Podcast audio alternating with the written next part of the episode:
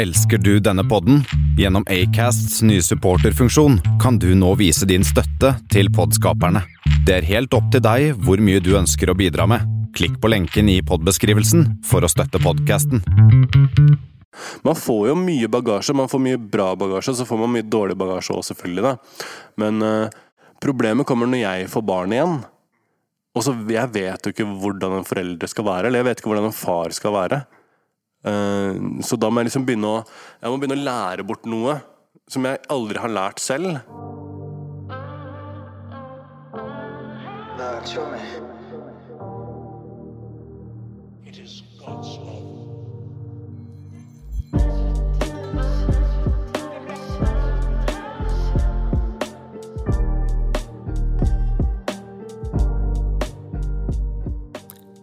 Hva det går, hva det går. Du, I dag har jeg besøk, eller rettere sagt, jeg er faktisk på besøk. Men i hvert fall, min eh, dagens gjest er en bereist, eventyrlysten og kreativ showmee som ser ut som en rockestjerne. For de av dere som går way back, så husker dere kanskje denne showmeen fra rappgruppen The Rovers, som skapte seg et navn i Hiphop-Norge på midten av 2000-tallet. Med tilhørighet til lille Larvik har han rukket eh, å skape seg et navn i Norge. Fra rappscenen til flere tattoo-priser på CV-en. En tur innom eh, faktisk mitt tidligere norske favorittprogram Senkveld med Thomas og Harald, til nå å drive tatoveringssjappen Iso Tattoo, klesmerket Lader Hader, kunstprosjekter, og i januar 2021 gikk startskuddet for hans egen podcast-satsing Isopodden. Han er oppe og nikker på denne podden med mange kjente navn som du lett kjenner igjen når du sjekker det ut. Om du ikke har sjekket ut. I tillegg så har jeg lagt merke til noe snakkis om noe som eh, heter Isoland, og som jeg håper og tror vi skal få høre mer om i denne episoden med Showme igjen. Mine damer og herrer, gi en varm applaus til Mr. Creative Man, entreprenøren Anders Isso Tronsen. Du, Ja. hva det går, Show Me? det Går det bra, sånn- eller? Vet du, du har så jævlig bra radiostemme. Syns du det? Ja! Er det greit, altså? Vet du hva, nå, Det her ble jeg skikkelig sjalu på. Den der eh, faen, jeg Nå går jeg litt i meg sjæl, og faen, jeg må gjøre noen tweaks. altså. Faen, jeg er jo bare Jeg er jo kaos. Du ser ut som en rockestjerne, Men kjører. du bare kjører den der Du tar det helt ned, liksom, ja, ja. og den der grooven og så faen, det vil jeg også gjøre! Men det er det, det som gjør deg unik. da Du Ja, er ja. rockestjerne, og jeg er han her Blast No Stress. Selv om, apropos det med stress Her skulle jeg komme til Lavik i går. Vi har planen klar. Vi skal, eh, du skal blekke meg opp litt, og vi skal ha en podcast-episode. Og så, eh, ja, så snakker vi litt underveis, da, Anders, om eh, ja, hvor er det her studioet ditt, og hvor spiller du inn din podkast? Jo, i Oslo, ja ja, og det ringer ingen bjeller hos meg. Og vi fortsetter session nede i, i kjappen din. Du blekker meg opp. Og så, eh, når vi endelig nærmer oss slutten etter en seks-syv timer nede i studioet ditt, og så sier jeg ja, se med det utstyret ditt, podkastutstyret ditt, da. Ja, podkastutstyret, sier du. Hva, hva, hva skjedde der? Det, det var det, det var kjempeenkelt. ja. Du tenker jo at eh, i og med at jeg leier sånn 1000 kvadratmeter rundt i Larvik, så har jo selvfølgelig jeg podkast her. Selvfølgelig. Men jeg har jo ikke det. Nei. Og jeg tenker at du har jo selvfølgelig med deg et studio. Ja, for det er jo Eh. jeg, tross alt jeg som har invitert deg til min podkast. Mens jeg i mitt hode tenkte, når vi snakket sammen, så var det liksom sånn at uh, Ja, nei, vi kan godt rigge opp hos meg, liksom, sier du. Så tenkte jeg ja, rigge opp. Ok, men da, ja, fett, da har jo han stæsjet det jo Ja, ja, ja. Og jeg har jo det! Ja, på ja. Grünerløkka. Der hvor jeg har studio. Men vi er Larvik. Ja, vi er Larvik. Det er er vi- halvannen time til mitt studio. Ja, men eh, kort sånn oppsummert da, så ble vi bare enige om, for jeg var jo ganske så ferdigsnakka i går etter at du hadde eh, brukt en del timer og lappet meg sammen eh, med ganske fet eh, black. Eh. Folkens, eh, Anders Isso Tronsen, det er the man hvis dere trenger blekk. Bare for å skyte det inn. That's the truth. Ja, men ok, så vi ble enige om at jeg tar turen neste dag. Jeg tenker at det var ikke meninga at det her skulle skje i går. Nei, Det skulle skje i dag, under litt roligere forhold. Ikke på på liksom tampen av en lang, lang, lang, lang, lang dag. Rolig og rolig. Vi har brukt halvannen time, faktisk snart to timer på å rigge opp Ja, men det er jo datating! Det er jo, det er jo tre forskjellige kameraer. Nei, nei, nei. Og vi er jo helt rå på det tekniske. Det er helt sykt. Du måtte til og med du måtte vise meg hvordan du skal formatere eh, denne dingsen som tar, står og filmer på meg her nå. Ja, nei, det var, det var- Så bare spør meg, jeg kan Ja. det datagreiene. Ring en show me, vær en Ja. show me. Nå har jeg, nå har jeg funnet ut hvordan jeg kan eh, lade bilen min nå. Ja, du har funnet, nei, Ja, har du det? ja. Det var ikke 2 igjen før du måtte ringe eh, de her eh, Nei, men har, han kompisen min som var her tidligere, han har databil, han òg. Så, han, så jeg kan bare kjøre bort til han, så kan han fikse det for meg. Du bare delegerte det, så du har ikke lært Du har ikke lært det? Aner ikke. Det er så klasse. Men du, seriøst, vi må jo bare gå rett på sak her, da. Ja. Eh, du vet bergensere, vi, vi er jo veldig glad i å prate. Så, men Altså, vet du hva? De fleste av mine podcaster, så går det 40 minutter cirka før jeg spør det første spørsmålet. Gjør du det? Ja. Ja, du vet, eh, Så- jeg er direkte rett Ja, på det sak. Det sånn det. Ja, men du, jeg føler liksom Vi snakket jo sykt mye i går. Ja. Når jeg tross alt ligger på torturbenken der og tøffer meg. Ja. Og liksom eh, Du tok det bra, da. Du gjorde det. Syns du det? Ja, ja. Ok. Fra, Over gjennomsnittet. Er det over gjennomsnittet? Ja. Ok, Så jeg lå, jeg lå mange timer der. Mm. Ja. Men uh, jeg må innrømme, den der albuen, den, den så jeg ikke komme. Når du blekket meg opp her med den rosen på albuen. For jeg har, jo- jeg har tatt opp i hodet og litt Ja. forskjellig. Sant? Ja, ja. Så det er liksom det jeg kjent. Og på ribbeina. Det har jeg kjent ganske så godt. Ja, ja. Men når du sa Ja, albuen, jeg tror du kan kjenne det. Ja, Og så sier du til meg Gino, det er faktisk en del nerver der. ja. ja. Så tenkte jeg, ja, men hvis jeg klyper meg hardt der på Jeg så kjenner kjenner jeg ikke en drit. Nei, det er jo som en balle, liksom. Ja, Men hvis du, hvis du tar hvis du den albuen, og så dinger den borti en kant, og du får den der heksestøten, da kjenner du at ok, det er noen nerver inni der. Ah, Så- den har jeg ikke tenkt på. Nei. Men det var sånn når du bare Jeg tenkte ok, det her kan bli interessant. Dette var jo på slutten av Ja, det var det siste vi gjorde. Det var det siste vi gjorde? Ja. Var det? Var ikke den teksten her? Ja, det var da? kanskje Ja, stemmer. Men i Det var fall overalt. Ja. Men det var sånn når jeg kjente nål kom inn der, så tenkte jeg Jeg tenkte ikke, sa, sa ikke høyt til deg Å ja, det er sånn det føles. Ok! Dette kan bli interessant. Så For hver gang du holdt på, så tenkte jeg ikke han ferdig snart? Ja. Og det tok tid. Ja, ja, det tok Men, jo eh, syv-åtte minutter, Ja, fy flate, altså, folkens. Hvis dere skal eh, blekke dere Albuen er ingen spøk, altså. Nei. Eh, Du kan være så tøff i trynet du vil, men albuen, den, den kjenner du. Så, men du må lide for å få uh, ting på G. Nydelig sagt. Ja. Er det her ditt første spørsmål? Hæ? Var det, nei, så du kommer til å gjøre det samme Nei, som meg? Du kommer til å sitte og pjatte deg bort, og så kommer vi til å komme til 40 minutter, og så kommer det første spørsmålet. Men du, Ja. Anders Isso Ja. Hansen. Eh, jeg må jo si uh, jeg har gledet meg veldig til denne episoden her, og enda mer etter vi ble kjent i går. Ja. For du ser jo ut som en rockestjerne. Jeg kaller deg en rockestjerne. Ja. Men jeg liker å gå litt sånn eh, Bli litt sånn eh, Gå rett på sak. Ja, Og liksom, hvem er denne mannen, denne showmanen, bak alt det jeg ser nå med gulltenner og blekke og Skulle jeg vet ikke om jeg Nei, men du er født og oppvokst i Larvik. Ja. Ja. Og eh, kommer du fra et helt alminnelig hjem, og der ting var bare bra og Ja. ting Ja? Nei. Nei, selvfølgelig ikke. Du Nei, langt derifra. Nei, vet du, jeg kommer fra kaos, men um, Du kommer fra kaos. Ja, jeg kommer fra en familie som Det er litt sånn Jeg vet ikke hvor mye man skal gå i dybden på alt, men, men det, den familien som jeg kommer fra, var sånn supertypisk klassisk 90-talls-broke. Ja. Ehm, den derre det, var- det var bare en ting da i Norge. På, jeg er født i 83, liksom. Når jeg vokste opp, så var det sånn et Jeg har noen eksempler da som jeg pleier å bruke, som jeg føler er sånn De, er, de beskriver det bra, men det er ikke så bra at barnevernet vil snakke med meg, liksom. Det er sånn Jeg var gans, ganske voksen når jeg skjønte at det ikke var vanlig å ha en narkis boende i en campingvogn i hagen din for å være med å eh, spleise på husleia på blokka. Ikke sant? Det er jo ikke vanlig. Dette eh, Men jeg trodde, det var, ja, jeg trodde det var vanlig. Shit. Så altså, jeg fikk min første Rambo-kniv fra han. Ikke sant? Så jeg tenkte at det, det er mange sånne ting som jeg har skjønt etterpå at det, Faen, det var kanskje rart, egentlig. Eller sånn Det første huset jeg bodde i når vi flytta fra blokk til hus Ja. Den neste familien som kjøpte det huset, reiv huset og bygde et nytt hus der. Wow. Så det er, sånn, det er noen sånne eksempler som jeg føler er sånn Det er bra nok for å beskrive liksom det, hva jeg kommer fra. da Ja, for du, du har jo uttalt at du kommer fra en fattig oppvekst. Ja, fattig De er Og- og det eh, ligger det litt igjen. økonomisk Ja. fattig. Okay. Det, det vil jeg si. Ja. Ja. Og vi har jo snakket litt i forkant, og vi begge to har jo litt uh, type samme ting vi vi kommer fra samme dritten begge to. Ja, vi gjør det! Men se på oss nå, vi er jo her, da. Vi skal komme til det. Ja, ja, ja. Og jeg liker jo, men jeg liker litt å spørre litt Det er som en løvetann opp fra asfalten, ikke sant? Løvetannbarn. Det er noe med det.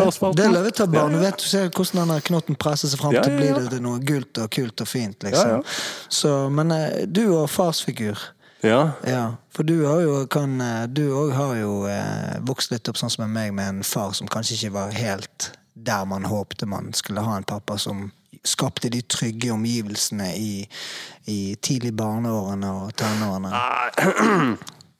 Helvete, du, du går rett på Jeg- til grøtene. Det var ikke noe joke, det. Nei, det var ikke det. Eh, nei, hva skal man si om det? Jeg tror kanskje Jeg tror kanskje det viktigste jeg har lært med For jeg har bare, jeg har bare ikke hatt noe tilstedeværende far. Før jeg ved et tidspunkt måtte rydde opp i det fordi at jeg hadde barn som trengte en bestefar. Kanskje. Jeg, det visste jeg jo ikke, på en måte, da, men jeg tenkte kanskje at det var eh, en mulighet. Um, men um, mine tanker rundt det er kanskje at Jeg trodde i mange år at jeg At jeg liksom ikke trengte det i livet mitt. For det blir sånn Det blir sånn som DVD som er født med én arm. Altså Han spiser med kniv og gaffel, han liksom. Han har bare aldri hatt to armer, så han vet ikke hva han går glipp av. Så jeg har tenkt at det har vært litt sånn.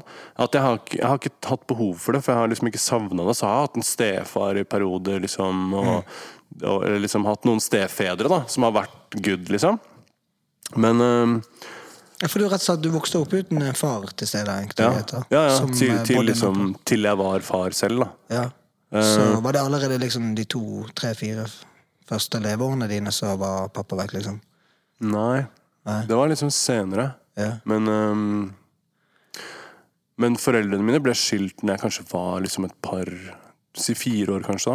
da Ja. Noe sånt noe.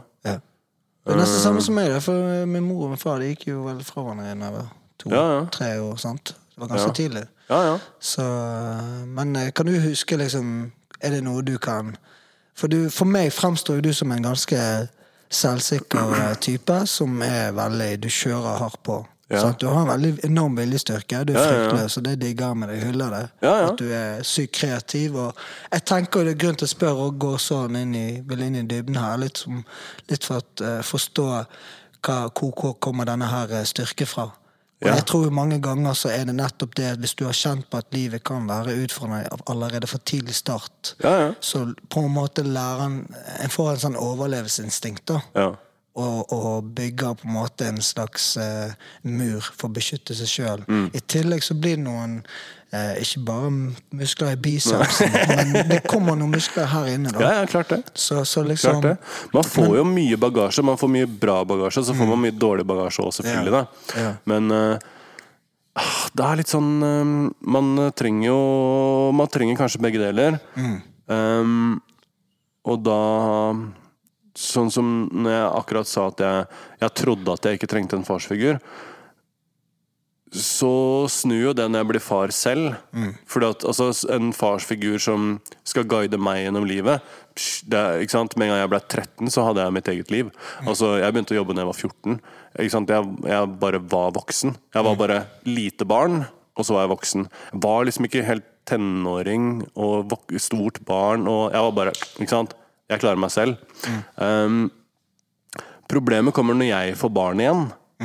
Og så Jeg vet jo ikke hvordan en forelder skal være, eller jeg vet ikke hvordan en far skal være. Eh, så da må jeg liksom begynne å Jeg må begynne å lære bort noe som jeg aldri har lært selv. Ja, for hvordan den, for, hvordan var det da når din eh, første kid ble født?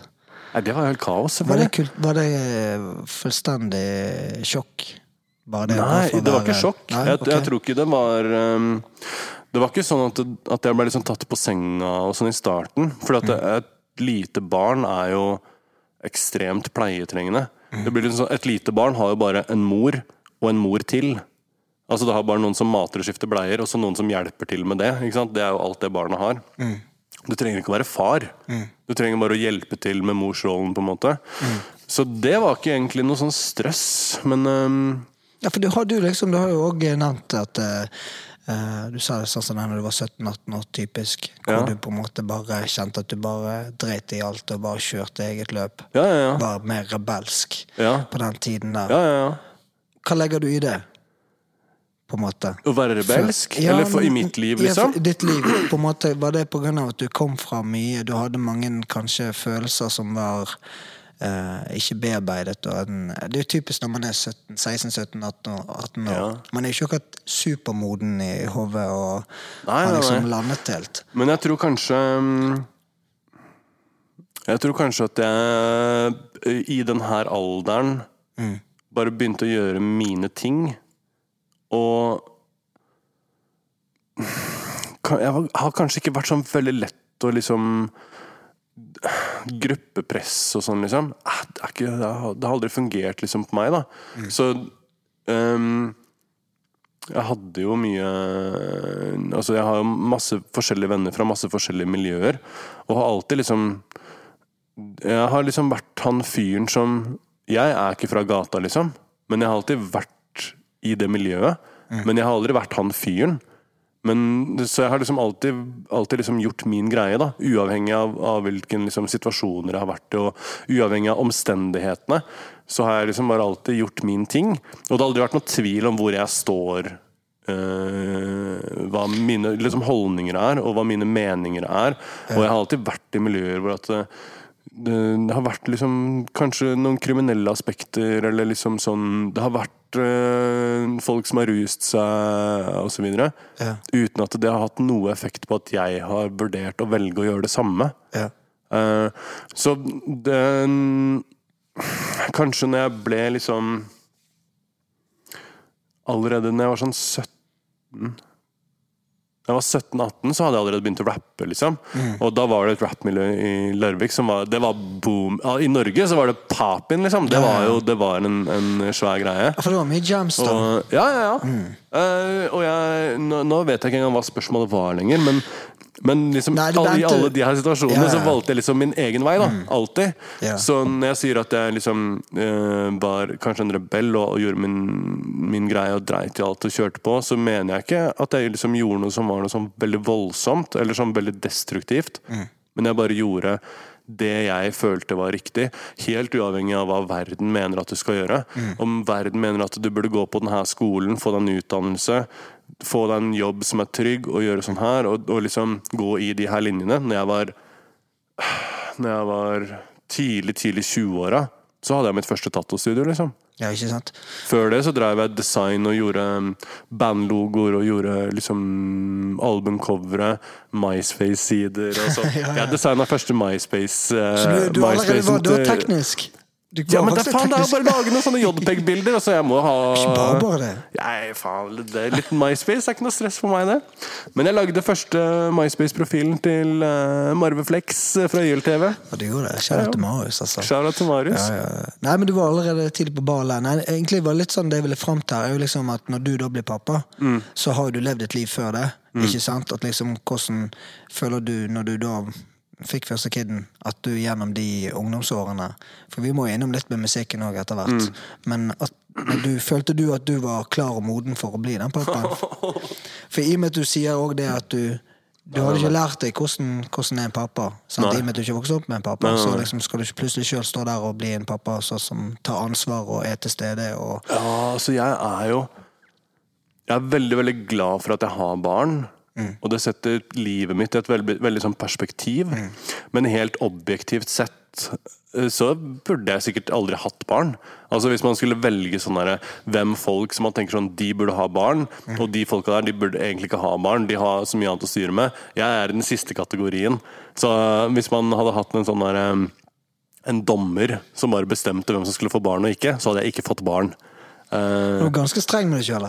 Ja, men det er jo noe med, eh, med liksom hvilke styrker man har, da. Mm. Så noen er rå på data, jeg er ikke rå på data, liksom. Så eh, hvis man begynner å dømme ting objektivt, så er det, er det en, Å være pappa er en jobb som på en måte er vanskelig for meg, da. Mm. uh, men så jeg var, jeg var kanskje ikke pappa før Sønnen min kanskje var, var fem-seks, kanskje noe sånt nå. Mm. Kanskje til og med eldre.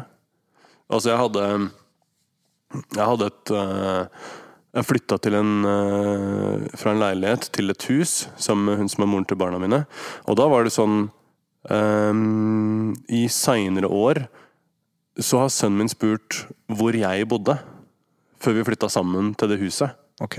Fordi han visste ikke at når vi bodde i leiligheten, så bodde jeg også sammen med de. Men du var mye ute og reiste? For jeg var jo ikke hjemme. ja. Ikke? Du jobbet mye og Ja, ja, ja. på? Jeg var på jobb når jeg var her, og så var jeg på jobb og, re- og reiste rundt i utlandet, liksom. Vil du kalle det en slags flukt? Eh, ikke da. Ikke da? Nei. Da var det Da var det en kamp etter å bli best i det som jeg dreiv med. I det kreative med Ja, ja, ja. tatoveringer? Ja. Jeg har brukt det som en flukt òg. Men uh, da var det det som var fokuset. Ja, Det var bare Jeg fikk en boost. Jeg jobba i noen tattomesser, og de bare Altså, jeg, jeg på De første messene som jeg jobba på i, uh, i utlandet, så vant jeg en pris på den første messa. Så kom jeg tilbake der, og så vant jeg en pris der. Og så var, det sånn, og så var jeg ikke med på konkurranse engang. Og så vant jeg en pris for sånn beste overseas artist eller noe. Som jeg, jeg var ikke engang med på en konkurranse. Det var bare sånn samlekategori for de som var fra utlandet. Det var sikkert bare to stykker, så det sto sikkert mellom meg og én til. Men det var liksom sånn Så jeg fikk sånn kjempeboost i starten, og så begynte de her messene. De var sånn hvis du har lyst til å komme og jobbe på vår messe, vi betaler hotellrom, vi betaler flyet ditt, bla, bla, bla. Og det er fra at uh, tidligere så er det sånn det koster så og så mange penger å få en bås her, og så må du bruke spenn på å reise dit, og så kanskje du tjener dårlig med penger når du er der, til at de ville betale for at jeg skulle komme dit, til at eh, jeg jobba på de store, de største messene. Og kunne liksom sende papirer til svære messer i Los Angeles da, og si sånn 'Jeg har jobba på det her før, har du en plass til meg?' De bare 'Ja, ja, selvfølgelig', liksom. Ja, ja. Så det var en eh, Jeg vet ikke, det var en liksom fight etter å bli den aller beste, aller råeste, liksom. Når var det du da oppdaget dette talentet ditt for uh, tatovering? For du er jo Du har jo drevet med graph, ikke sant? Uh, nei. Ingenting? Nei. Hæ? Eller jo, Ikke? kanskje. Kanskje litt. For det er jo en sånn typisk greie at folk som driver med writing og Det som jeg har syntes har vært gøy med graffiti Jeg har ikke jeg har, jeg har, jeg har, jeg, Det hender at jeg bruker det litt når jeg lager kunst og sånn. da Bruker spraybokser. Ja. Men akkurat selve liksom graffiti så har jeg har liksom ikke um, Jeg har ikke nok bagasje til at jeg er god på det.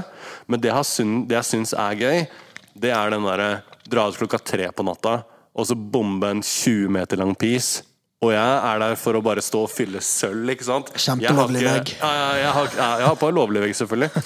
Men jeg har ikke, jeg har ikke noe liksom, kunnskap bak style og liksom Uh, flow i liksom, bevegelser som gjør at det blir bra og sånn.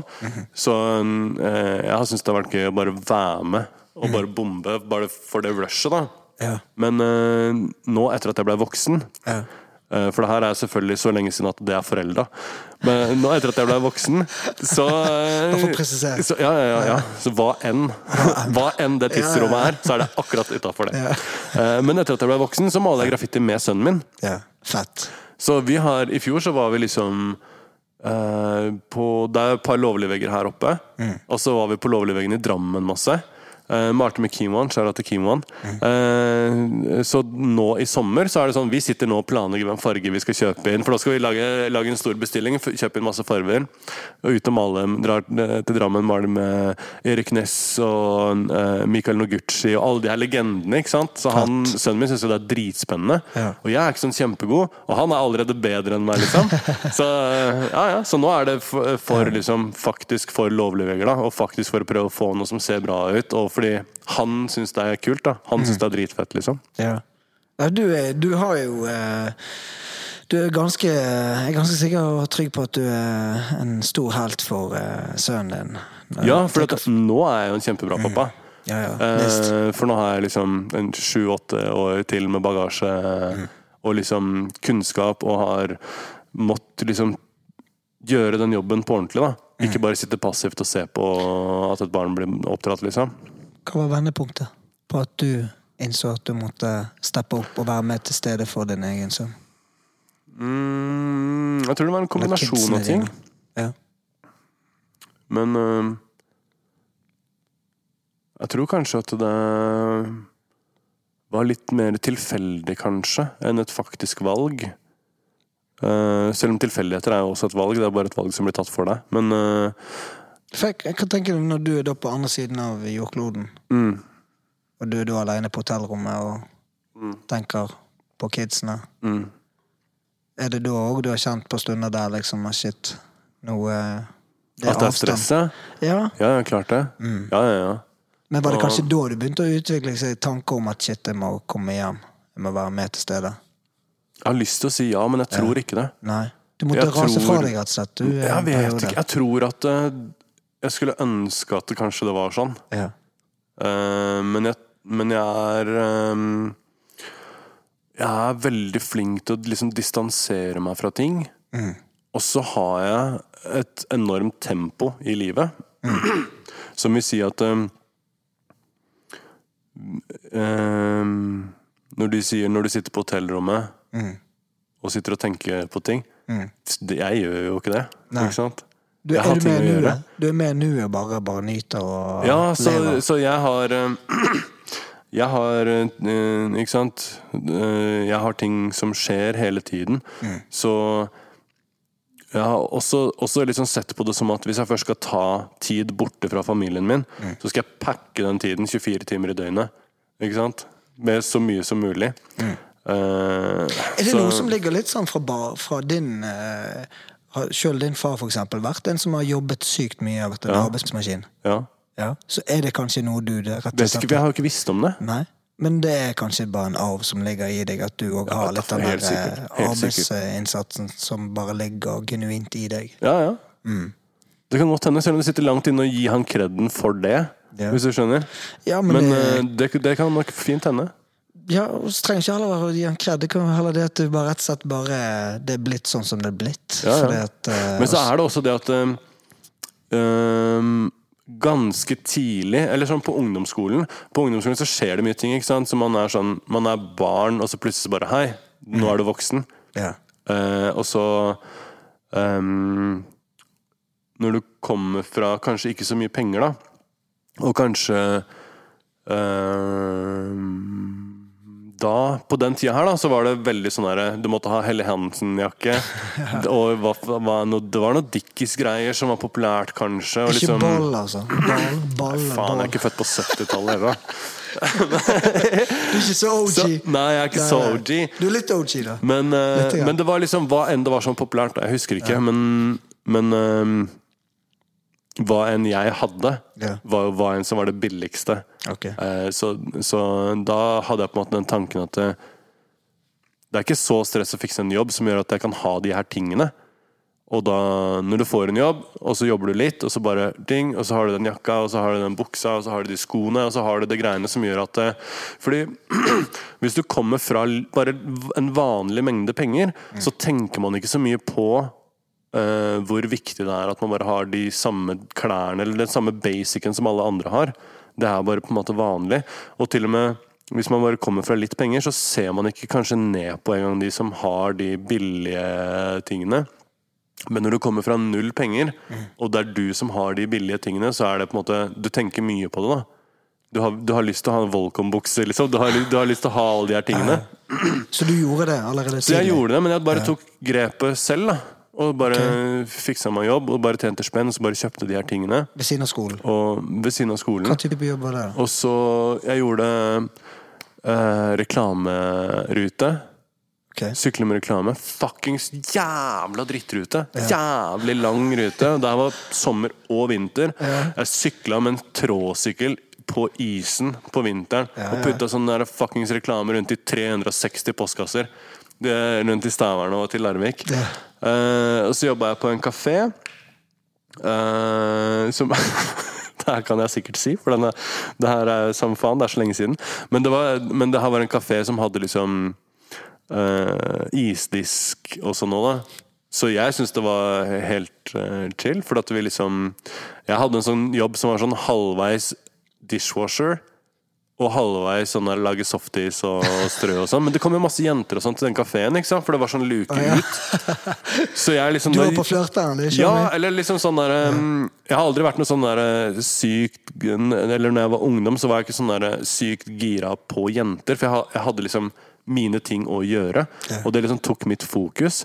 Men jeg syns det var gøy og liksom Det var litt stas, da, når man ikke har hatt på en måte noe sånn veldig sånn statusting i livet. Og kunne liksom sånn blæse ut en softis og så bare Vær så god, ikke tenk på det, liksom. Eller å, å være liksom sånn der kongen av den derre iskiosken. da. du. Du var inn Ja, og, kompi og kompiser og sånn Ja, ja, ja, ikke sant? Og bare Uh, Ja. det- Spiste du litt is i smug òg. Selvfølgelig. Lett. Klart jeg gjorde det. Eh, Selvfølgelig. Men du ble uh, kanskje sponset litt da? da? Vet du hva, det, det var et superchill sted. Det var, de, eierne var superkule.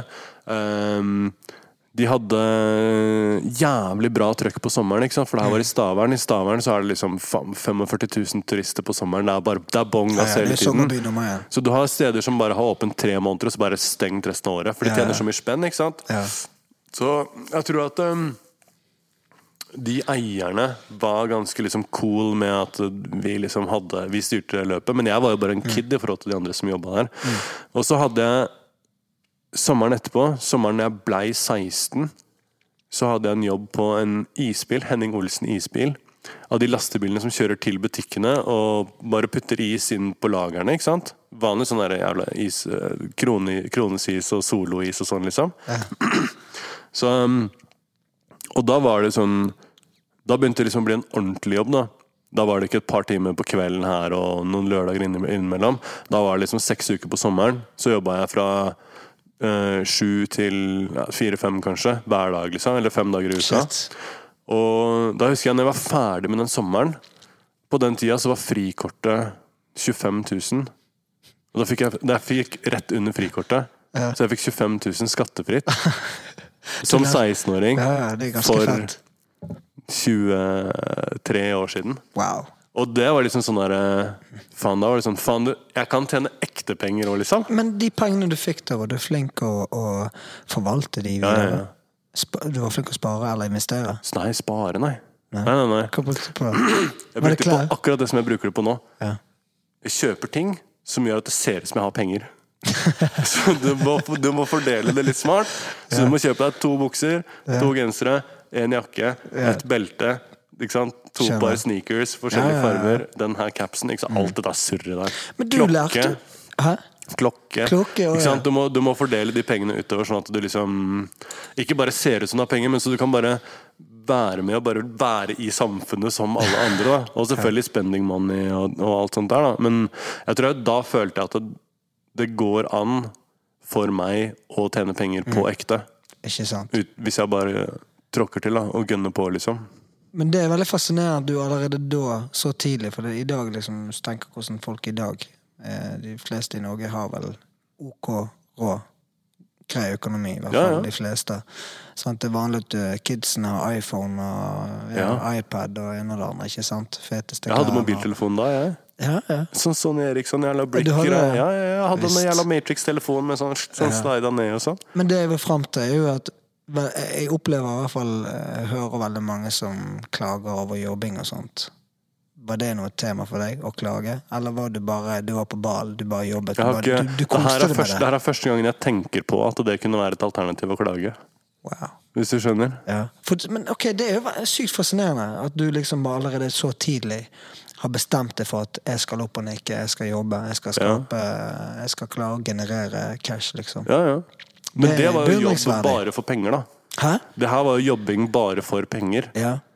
Uh, og det er jo Altså, det her er jo nesten siste perioden i livet mitt som jeg jobber bare for penger. ja.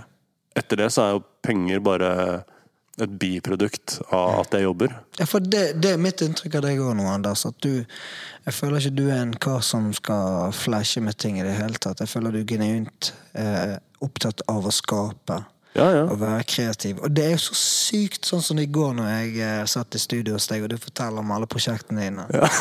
og så tenker jeg shit, altså, hvor mange timer i døgnet har denne showmanen her egentlig? Mm. Og så sa også noe veldig fint at uh, ja, ok, eh, hvis jeg kommer for sent til det eller det og det, ok, men det går greit. Du tar jo liksom, Selv om det høres veldig stressende ut, så virker det som at du på en måte har ro i det òg. Mm. For du er Du bare lever det. Det er Ja, deg. Det jeg det sa var. Det som har vært, det har vært. Og det som kommer, Det kan Det vente. kan vente. Ja. Ja, ja. Mr. Yoga. Verre er det ikke. Det er ikke verre enn det. Nei, men det har jo liksom denne tidlig eh, Det at du var så tidlig på grinden, det har jo gitt deg en arbeidsmoral og en karakter, da. Ja, ja, ja, 100, 100%. Og, og den reisen du har hatt. For du er jo òg en eh, kar som har reist eh, verden rundt. Ja. Hva kan du si om det? Har du en uh, topp top tre plasser hvor du har reist i verden? Hvor lang er denne podkasten? Nei, altså, jeg kjenner at det her kommer til tid, altså. Topp tre plasser. Det er kjempeenkelt. Um, Topp én Big Sur. Big Sur er en plass som ligger um, eh, mellom Los Angeles og San Francisco. Et eller annet rett sør for Monterey, cirka, hvis man er noe kjent med California-kysten. Det her er Monterey er en liten by som eh, Clint Eastwood var borgermester i. Du kødder. Han, nei, der er det sykt okay. fint. Og han hadde åh, Nå skjer det her som alltid skjer. Nå kommer jeg til å fortelle fire historier fram til jeg kommer til poenget. Clint Eastwood hadde han var borgermester i en by hvor at han gjorde det ulovlig å ha postkasse. Så alle som skulle ha posten sin, måtte komme på postkontoret og hente posten sin der, sånn som det var på fuckings 50-tallet, for han var så jævla old school. Og eh, det verste var at eh, jeg hadde eh, Nede på Monterey så er det en sånn sykt fin surfespot, for jeg surfer litt. grann. Og for jeg gjør jo de her tingene som eh, Som er klisjeen. At eh, jeg hadde ingen planer om å bli som min far, som er biker og surfer og liksom helt umulig og arbeidsnarkoman. Så jeg blei en biker som surfer, som er helt umulig arbeidsnarkoman. Så jeg har gjort akkurat det samme. ikke sant? Så jeg har blitt helt lik som han, uten å egentlig vite hvor det kommer fra. Så da kan man begynne å krangle hva som er genetikk, og hva som er eh, eh, sosial arv, på en måte. Men i hvert fall da, i Monterey så eh, Min far da var der eh, og surfa for mange år siden. Og så hadde han en hai som svømte under brettet. Han har vært på samme plass, Samme spotten. og du reiste på samme plass. Ja. Visste du det fra før av? jeg visste det ikke. Nei. Nei. Så det som var greia, var at han har fortalt meg om det her en gang. At han hadde vært og surfa på et sted på California-kysten, men California er jo? Den største staten er 60 millioner mennesker som bor der. Ganske Eller hva det, er. Det ganske stort. Hvor han forteller at uh, han har vært der og surfa, og så har du den Altså det kommer en skygge under brettet, da. Og det er jo aldri bra. Det er jævlig mye hai der, ikke sant? Og det er mye, det er mye hvithai, og det er mye uh, blacktip eh, reef uh, shark og bull shark og sånn. Bullsharken, den eh, Den bare smaker om du er mat. For den, Hvis ikke den er helt sikker, så bare Så den bare tar en, en bite da, for å sjekke om du har mat, og den, du er jo det Shit. basically. Så, så han er der og surfer. Kommer en skygge under brettet. Det første du gjør da, kikker opp. For å se om det er noen skyer noe skyer på himmelen. ikke sant? Om det er en sky som har bare gått foran sola. Det var det jo selvfølgelig ikke. Og så tenkte han liksom sånn "Eh, Det var sikkert bare en sel eller hva som helst. Det er, det er en del sånne dyr der, liksom. Jeg hadde ikke klart å tenke at det var en sel. Jeg hadde bare fått noia med en gang. Ja, ja. Panikk med en gang. Shit, Men altså. så, eh, så, så han liksom klarer å lure seg selv til å ta det easy da, og fortsetter å surfe litt. Og sånn Og så kommer han inn på land, og så står det noen ved altså, Denne beachen har et sånn lite utsug hvor det er en elv som kommer ned. Ikke sant? Og der er jo der alle de små fiskene kommer, og det er der haiene er. Og? De spiser jo alt det her faenskapet. Så står han på parkeringa og skifter, og så er det to andre locals da, som står her, og så sier de Faen, bit much sharks out today? Og han liksom ja, det er ok, BF. Og liksom begynner å skjønne at det, faen, det var hai, ikke sant? Shit. Og da er det liksom sånn Da er det jo for seint, du må bare leve med det. Og så har, har han da fortalt meg den historien at han har vært og surfa et eller annet sted, og bla, bla, bla. Ja. Og så, ti år seinere, så er jeg og surfer i Monterey. Og en skygge kommer ennå? Og det kommer ikke noe skygge. Det, det, jeg vet ikke om at det her er det stedet, ikke sant? Nei, nei. For det er en fin surfespot, men det er fuckings altså, det er, ikke sant? Det er der hvor silden kommer ut. Det er her hvor de spiser, ikke sant? Så, så jeg vet ikke det, men jeg legger opp et bilde på min Facebook eller på Jeg tror, det her kanskje var Kanskje det var Instagram, liksom. Mm. Av den surfespotten hvor han kommenterer It's a bit much shark there today. Så ja, da skjønner jo jeg Det har jeg skjønner fått det. bekrefta etterpå at det er jo den samme spotten. Altså, jeg har vært og driti meg ut på det samme stedet som han der gamle rotta. ikke sant? Shit, altså. Så det er jo ja, bare en tilfeldighet. Men Jeg vil si det krever litt baller å skulle hive seg ut i en plass på California-kysten der og vite at det er mye haier, liksom. ja, vet du hva? Altså, det er sykt. Det, det, altså, jeg- Seinere på den samme turen, faktisk, så sur- surfa jeg Huntington, Huntington eh, ved Huntington Pier. På Huntington Beach. Som er, det her var faktisk ved Jeg surfa der den dagen det var 100-årsjubileet for surf. Så det var sånn to kilometer med surfere oppover. Men i hvert fall. Så da ligger jeg ute, og så kommer den der finna sånn du, du, Der borte, liksom. Nei, nei, og så går det, går det liksom noen og, og det er sånn derre Du begynner å tisse litt i drakta, liksom. Da. Så går det litt, og så Nei, Du gjør ikke det heller, du bare, for du gjør ingenting. Du bare ligger der og, så, og, bare, Oh, og bare holder pusten. Og liksom, ja, det, du, ja. Eh, men så går det noen sekunder, og så kommer det eh, flere. Og da er det delfiner, ikke sant? For haiene de er ikke så glad i å være i Ah, flokk. ja, Og da var det sånn «Huh, Fytti helvete! Og så padla jeg rett inn og var ferdig. Ferdig. Ja, ja, ja, Du var- du tok- ferdig, du var altså. ferdig altså. for dagen. det holdt for meg. Altså. Shit, altså. Og det var nummer én-plassen. Det var Big Sur, som er okay. Rett, no, eh, rett sør for Så- Montreal. Big Sur er der hvor Huntress Thompson bodde og skrev mange av de største bøkene sine. og sånn. okay. Det er rett sør for Montreal. Du har gjort en research. Du Ja, har- eller, ja, jeg har jo bare vært der. Ja, ja, men, Og gjort eh, de her shit. tingene. Ja, ja, det er helt vilt å høre ja. om. Jeg kanskje kommet til knærne på deg. Men samtidig så er det sånn Faen, jeg burde hatt et reiseprogram eller noe. ja. Så, Hint, hint. Et lite hint, hint. så det, var, det var spot nummer én. Ja. Er det liksom toppen, det?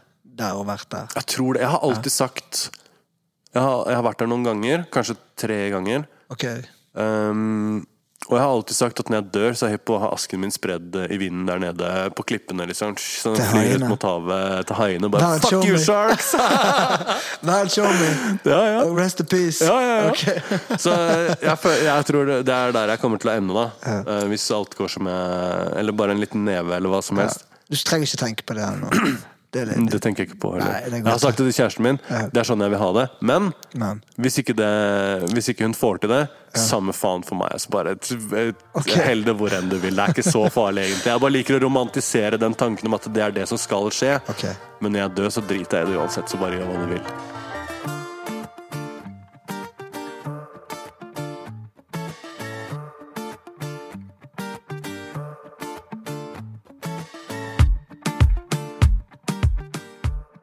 Du er litt den der eh, Ja, hva skal jeg kalle det? Du, eh, det virker som du er på en bølge. Ja, det Enkelt og greit. Men den bølgen kommer noen gang inn til, til land. Eller er du på denne, rir du på denne bølgen hele veien nå? Det vet I forhold til det, altså du er jo Men jævla spennende å se, da. Ja, for du er jo bare på en bølge. Jeg føler liksom Vanligvis så er jo man gjerne det at man Hvis man har satt seg et mål, Mm. sant? så rir du den bølgen hele veien inn til land. Mens selvfølgelig med du, eh, Anders, så stopper ikke det. Du Livet er- forandrer seg jo hele tiden, da. så man kan jo planlegge en ting. At uh, å, nå skal jeg gjøre det her i 20 år.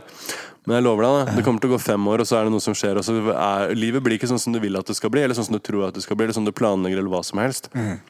Så jeg gikk jo på den ene bølgen inn mot land. Mm. Jeg rir på den ene bølgen der, og så skjer det noe, så tar jeg den bølgen her isteden. Og så tar jeg den bølgen her isteden. Ja, ja, ja. Ja. Men uh, nummer to, da, på Ja. Hvor eh, vil du da oh ja, for nå er vi på steder i verden. Ja, vi er fortsatt på Hva er tre plasser du skulle innom. Uh, the Thing. Nei? Den, uh, apropos Vi har ikke tid til Hvis jeg skal begynne å, hvis jeg skal begynne å fortelle om det Hvis jeg skal begynne å dra sånne historier, da, må da blir det tre deler av denne det folk kan episoden. gjøre, for i dag kom jeg for seint til eh, Jeg skulle komme her fire, så ringer jeg til deg og sier du, show me, jeg er litt forsinket. Ja. Ja, kanskje Nei, jeg har vært innom The Thing. Jeg måtte sjekke det ut. For dere som ikke vet hva det er, ta oss og google det. Og Anders, du kan jo si hva de skal, de skal google på for noe. Det er en Jeg kan- spesiell opplevelse hvis de skal krysse USA. Ok, så jeg, i, jeg kan si det på to setninger, for det her er noe som jeg har ramla i, sånn som jeg ofte ramler i rare situasjoner. Det er en redneck, low quality uh, fornøyelsespark i gåsetegn. Midt i ørkenen i Arizona, hvor hovedattraksjonene er bilen til Adolf Hitler, eh, Sado-torturkammeret fra middelalderen og en mumie. Som er en mumie, som er bare en død kis som ligger i en glassboks. Og jeg vet ikke om dere har bilder under det her innlegget på Instagram, eller hva som helst, men rull to ganger til sida, så ser du et bilde av han fuckings mumien. eller hva. Liksom. Så eh, ja, det er the thing, da. Men det er ikke egentlig på lista mi. Men, Men det er du kan si, er at sted, altså. det vi må si, er at dere når dere kjørte denne lange dagen der, så var det hele tiden skilt som gjorde dere oppmerksom på at the thing Ja. Om, om det seks timer så er Om du på the thing. Liksom bare ah, tøff, 300 km til, så er du på the thing. 200 km Faen, det er- det er billboards i liksom en halv dag. Ja, ja. Du er snart på the thing, og så er det en fuckings bilen til Hitler. Og en fuckings mann i en glassboks som er 100 år gammel, liksom. Men det positive er at det koster én dollar. Koster én dollar. Så dere har råd til å kjøpe is. ja, ja. Ja. Men nummer to Mm, Hva var det for noe? Nummer, kanskje det her spaet som jeg snakka om, uh, som jeg, jeg fortalte om i går. Nede i uh, Rett og slett bare for at det er in the back of my mind nå. Da. Men det er i en by som heter Luzern i Sveits. eh, som er en liten innsjø. Som er sånn, Jeg tror de kaller det sånn sveitsiske rivieraen. Uh, super, super, super fin by. Uh, når jeg var der sist, så var jeg der med kjæresten min. Og da gikk vi bare Vi gikk opp på en sånn liten sånn brosteinsgate, og det her er sånn Det her er sånn du ser for deg at Sveits er liksom husene. De er sånn der med sånn trevinkler, og det ser ut akkurat sånn som du tror det ser ut. Ligger opp i skråningen i Ja, ja, ja, og, og vi går oppover der, og så, det, så hører vi inne på uh, en restaurant da, at det er et jævla rabalder. Og da, uh, da er jeg selvfølgelig rett inn der sant, for å se hva som skjer. Og der er det en, øhm, en øh, liten scene hvor det er en dame i sånn jævla budeie-greier som spiller på noen skjeer eller hva faen, og, det er et sånt show, da. Hvor vi havner i det showet, og da er det, det en, ehm, en, eh, et menneske som har på seg en sånn kukostyme, som kjører jenka rundt i det her lokalet. Så før jeg vet ordet av det, så er vi med på et sånn jenkashow. Og jeg går rett bak en dame fra, øh, fra Japan som er sånn øh, hun, er ikke, hun virker ikke kjempekomfortabel med at jeg har henda på skuldrene hennes, og vi er et jenkatog, men de der sveitserfolka de driter i det. Her skal det være jenka, her er det bare å kjøre på. Hvor da I et smellfullt lokale så er vi 50 stykker som kjører jenka rundt det her greiene. Og det er ni, ni, ni, ni. Som er liksom sånn Det er det mest autentiske sveitsiske jeg har vært med på noen gang. Du Liksom. koste deg, du? Jeg koste meg som faen. Det var god stemning. Eh, og i denne byen da, så er det et um, Det er en taubane eh, som går eh, opp til nesten opp til toppen av et fjell. Og der ligger det et svært spa med så infinity pool, så du liksom bare ligger der i boblene og slapper av. Og så har utsikten din er sveitsiske alper fra liksom ja, 300 og 340 grader nesten, for du er jo på en alpe, liksom. Og uh, det neste stoppet på den taubanen er et sånn thai-tempel. Gullforgylt thai-tempel I Sveits. i Sveits.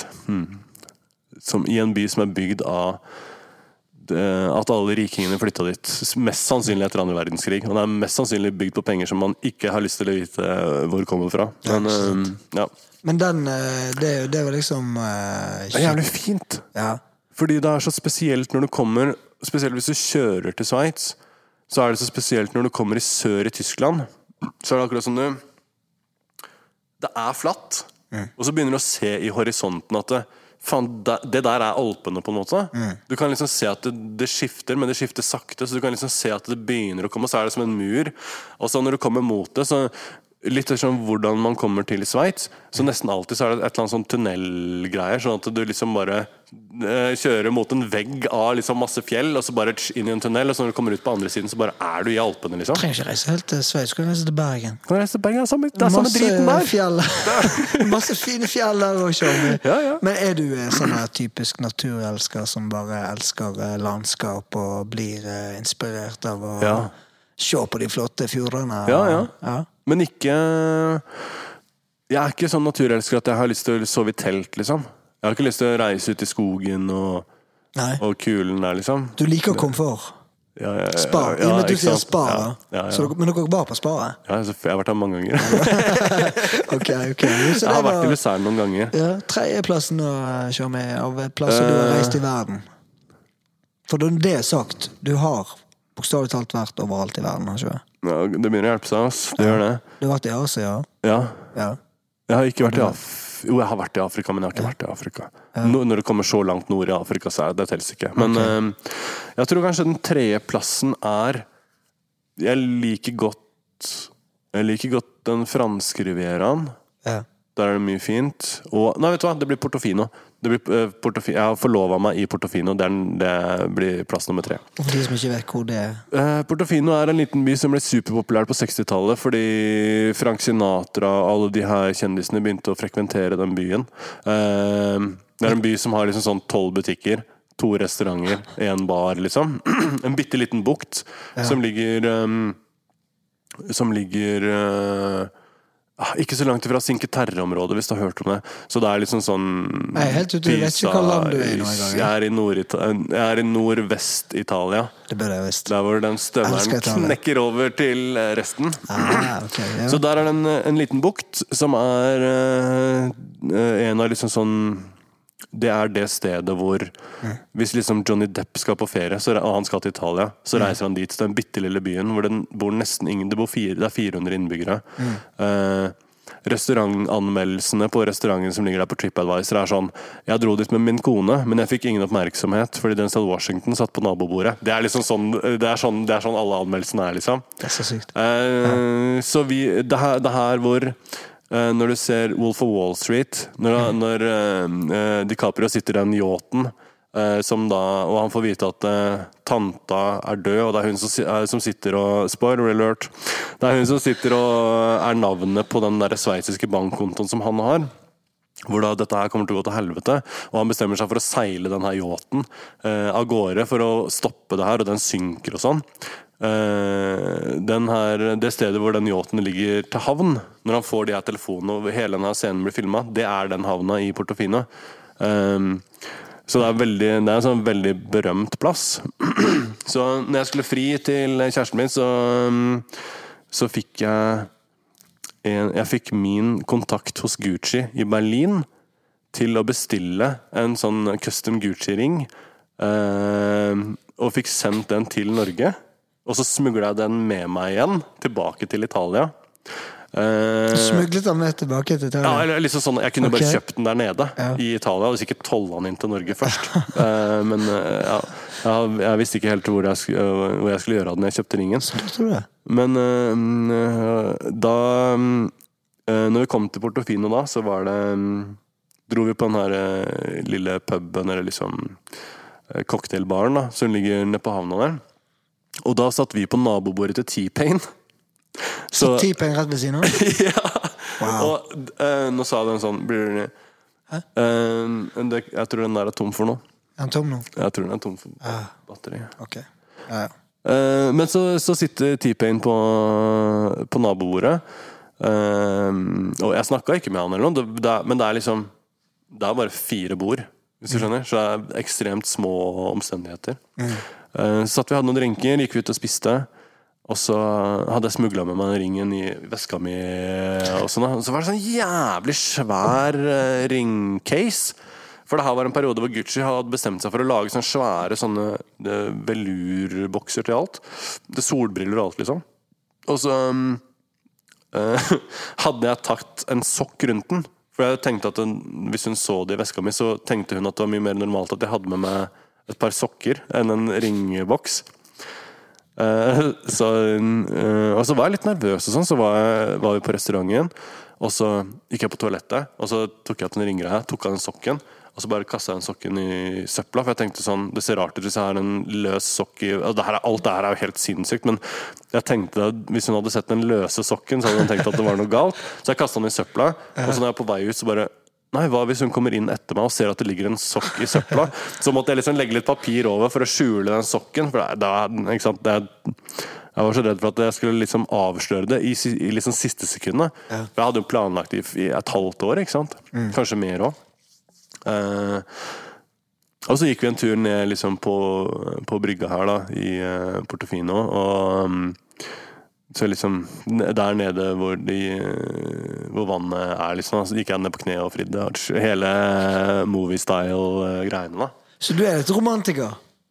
Ja, Eller er du veldig altså, romantiker? Uh, jeg vet da faen, jeg. Nei, jeg vet ikke. Vi, eh, vi har jo ikke noen damer som kan bekrefte det. Eh, du vet jo ikke helt sjøl, altså. Jeg Men jeg vil si det er litt romantisk. Altså. Du la jo mye i det i og med at du fikk be, spesialbestilt en ring. Jeg følte at kanskje altså, Det er ikke feil den plassen du fridde på heller. Nei, det er akkurat det. Og så føler jeg at det er et sånt Jeg kan gi henne det øyeblikket, på en måte. da Ja. um, som vil være litt sånn for alltid når folk spør hvor er det han fridde, så har jeg hørt Det er så mange ganger jeg har liksom hørt folk er sånn derre Nesten at de drar på Peppes, liksom, da. Og så bare spiser middag, og så bare Hei, forresten, eh, skal vi gifte oss, liksom? Så jeg hadde lyst til å bare gjøre det sånn at eh, for alltid når hun ble spurt om det, så i den situasjonen hun var i da, så kunne hun liksom være litt booste det opp litt da, og liksom fortelle om det på en kul måte. Og ikke være sånn der flau over at jeg fuckings fridde på dritfylla på danskebåten under noen kleine forhold, og det var rett før hun sa nei. Liksom, eller, ja, faen, det er sånn der, Jeg ville ikke at det skulle være noe sånn at hun skamma seg over Du kjører stil! Ja. Du kjører stil fullt ut, altså. Ja, men jeg visste ikke at det skulle være Portofino før, okay. før dagen før. ok. Fordi um, Selv om du har planlagt et halvt år? jeg skulle gjøre det i Cannes. Du skulle gjøre det kan, Det er det jeg skulle gjøre. Så vi var på vei til Cannes. Ok.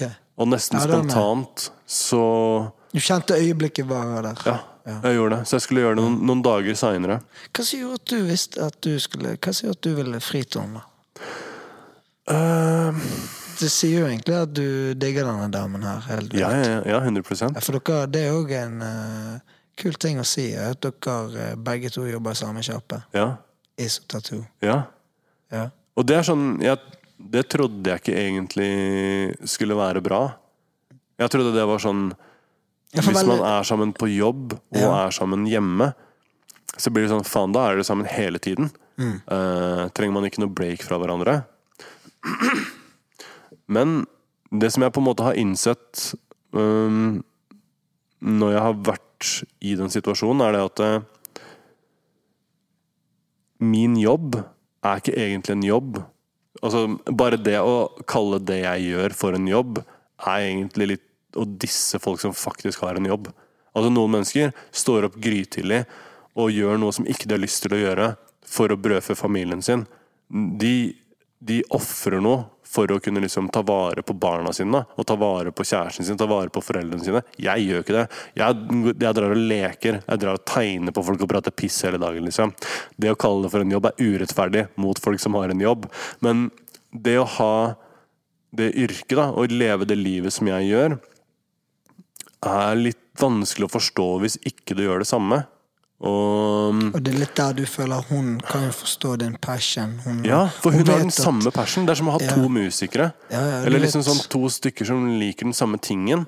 Og det er ikke fordi at de har blitt tvunget til å like det fordi de har gått på snekkerskolen, så de er snekker, og derfor så er man to snekkere som Det blir ikke det samme. Man kan jo forstå mye av den samme lingoen, og man kan forstå mye Mm. av de samme følelsene, men når det er liksom det som du har lyst til, og det som du velger å bruke livet ditt på, da, så blir det noe annet når man kan dele det med noen, og vi Mm. kan reise, rundt, reise verden rundt da, og gjøre de tingene sammen. Ja, for hun òg er eventyrlysten og reiselysten som deg. Ja, ja.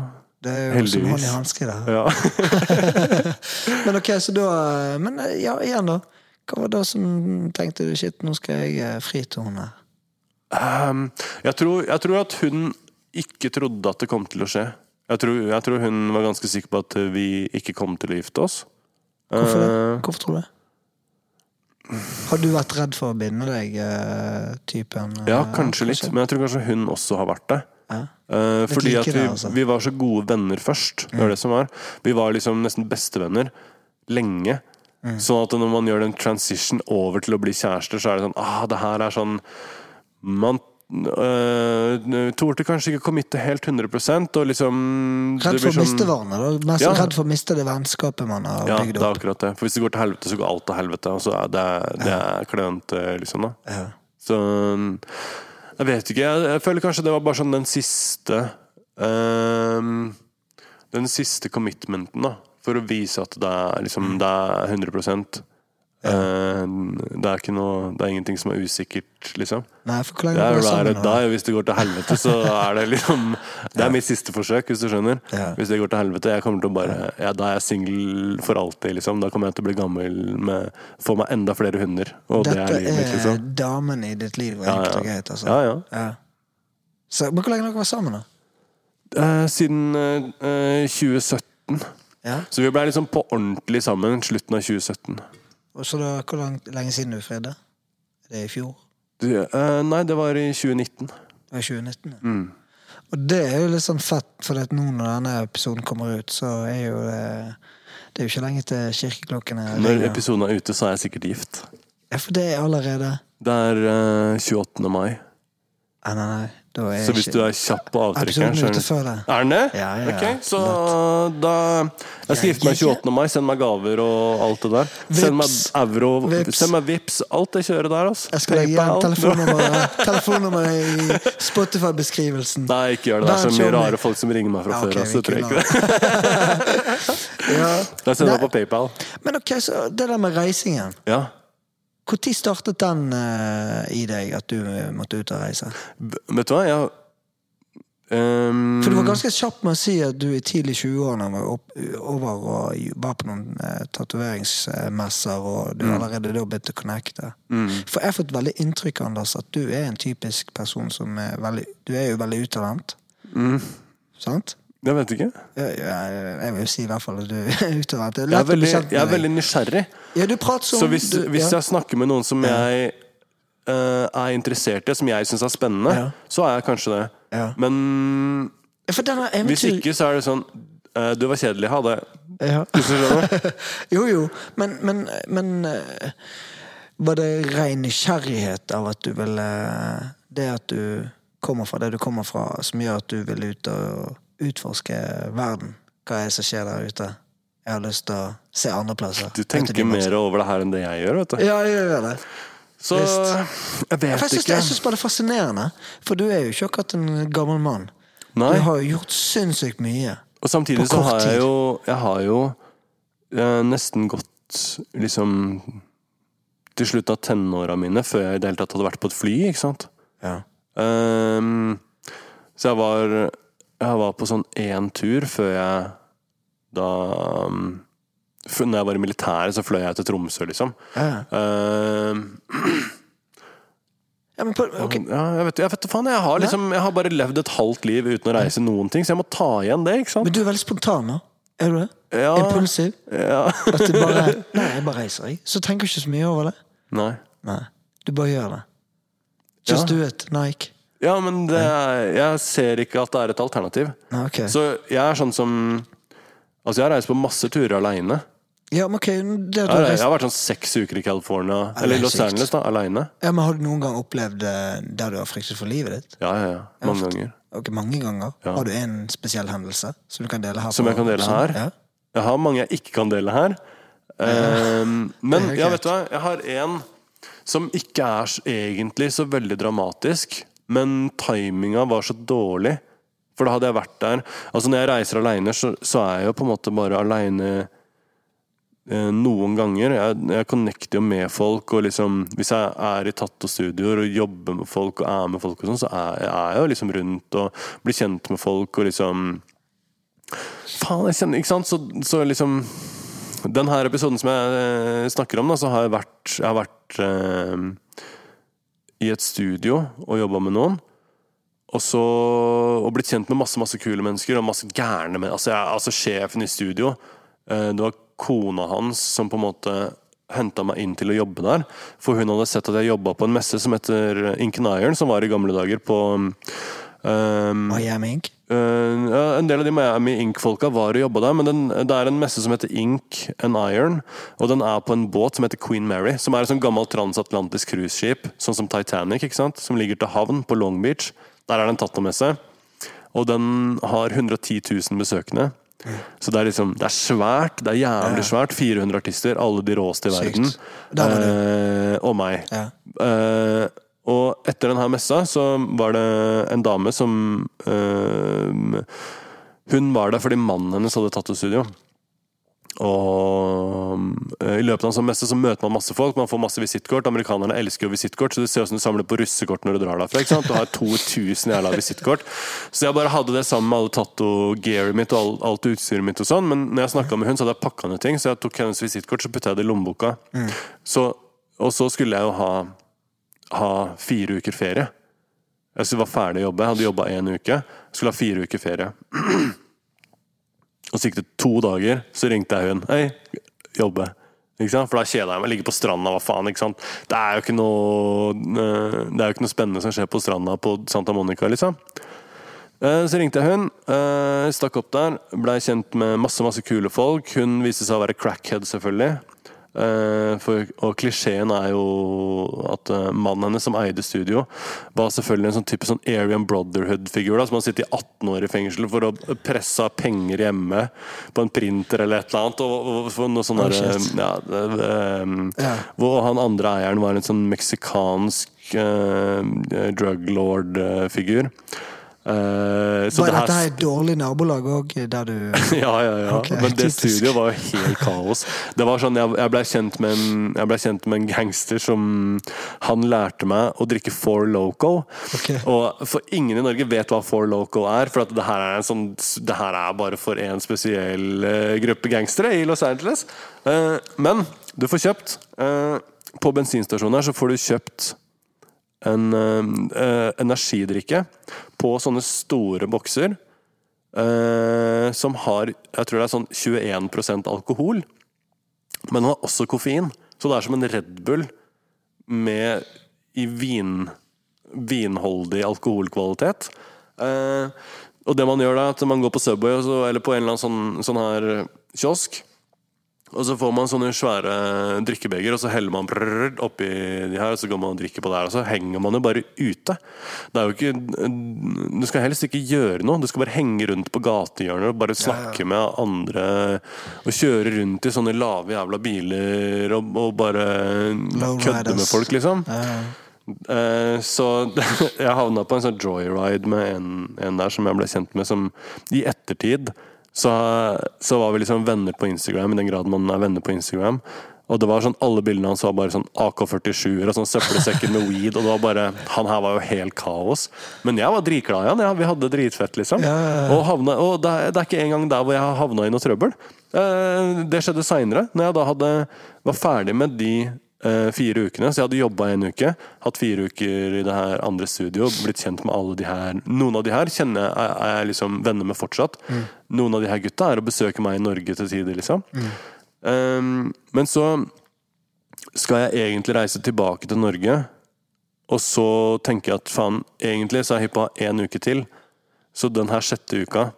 Og da booker jeg meg et motell eh, nede på Malibu, rett ved Malibu Pier. Som vil si, og det er et bitte lite motell. Det er sånn, det er sånn seks-syv rom, kanskje.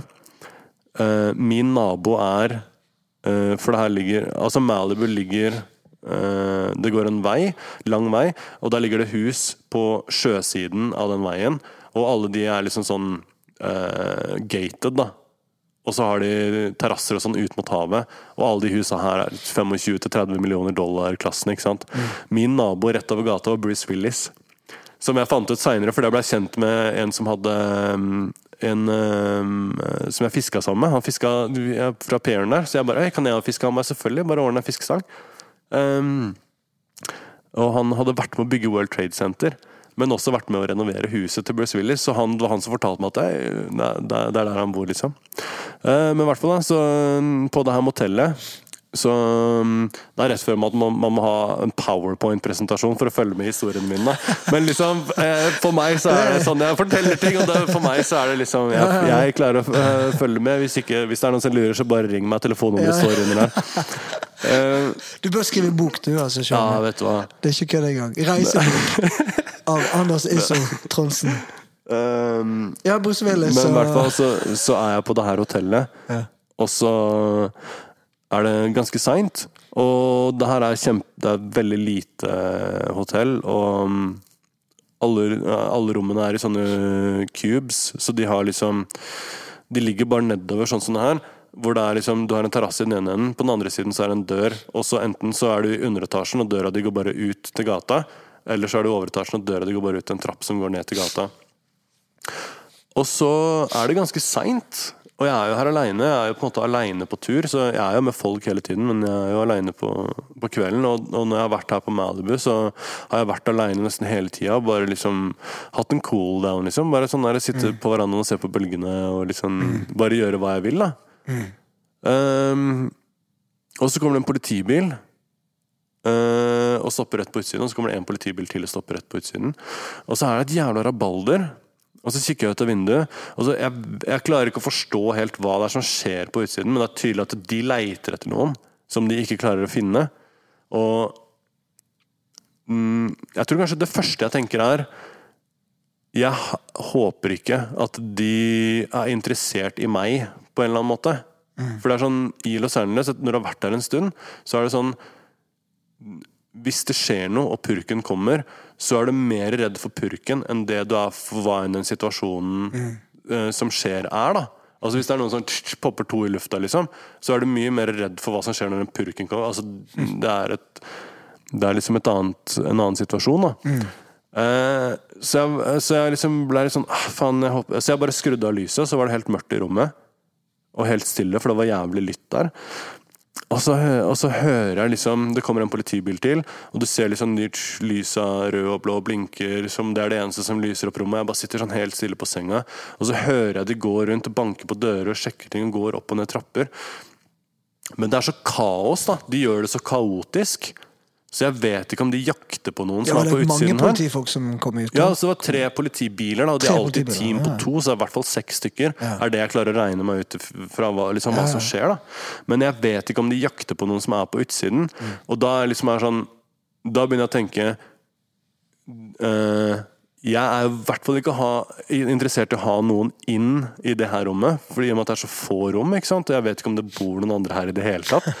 Så jeg er i hvert fall ikke interessert i å ha noen inn her som er, som er på rømmen fra de her politimennene. For altså, California har three strikes-lover og sånn. ikke sant? Som, du skal ikke gjøre alvorlige ting engang, men hvis du gjør det mange nok ganger, og du stjeler en sjokolade den tredje gangen, liksom, så bare Det er life, liksom. Og med en gang du får life, så har du ingenting å tape. Da er det bare ikke sant? Hva enn enn som skjer, det må skje, liksom.